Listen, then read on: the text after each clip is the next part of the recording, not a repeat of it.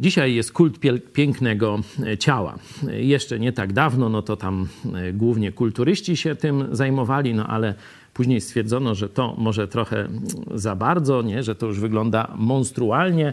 No to taka harmonijna sylwetka, jakieś fitnessy, stresy, różne takie e, rzeczy są w głównej, można powiedzieć, takiej koncentracji wielu współczesnych młodych ludzi. Żeby było jasne. Ja nie jestem przeciwko zdrowemu ciału. Zdrowym ciele, zdrowy duch, to ogólnie się z tym zgadzam. Jestem za ćwiczeniami fizycznymi. Biblia też o tym mówi, że one pewien pożytek przynoszą i tak dalej, i tak dalej. Ale jestem przeciwko przesadzie. Kiedy to się staje bożkiem, centrum Twojego życia. Zadedykuję Ci fragment Psalmu 147.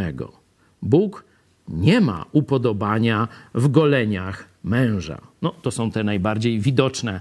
Kiedyś, jak rycerz był e, w, w, pełnym rynsztunku, no to widać było jego właśnie łydki, czyli golenie. Zwykle one były nagie i tam można było widzieć, czy przedramiona też zwykle, chociaż były zwykle osłonięte golenie, były nagie i tam można było podziwiać muskulaturę jakiegoś rycerza, wojownika czy kogoś takiego. Bóg nie ma upodobania w goleniach męża. Ma upodobanie za to w tych, którzy się go boją, którzy ufają jego łasce. Do której grupy się zaliczasz?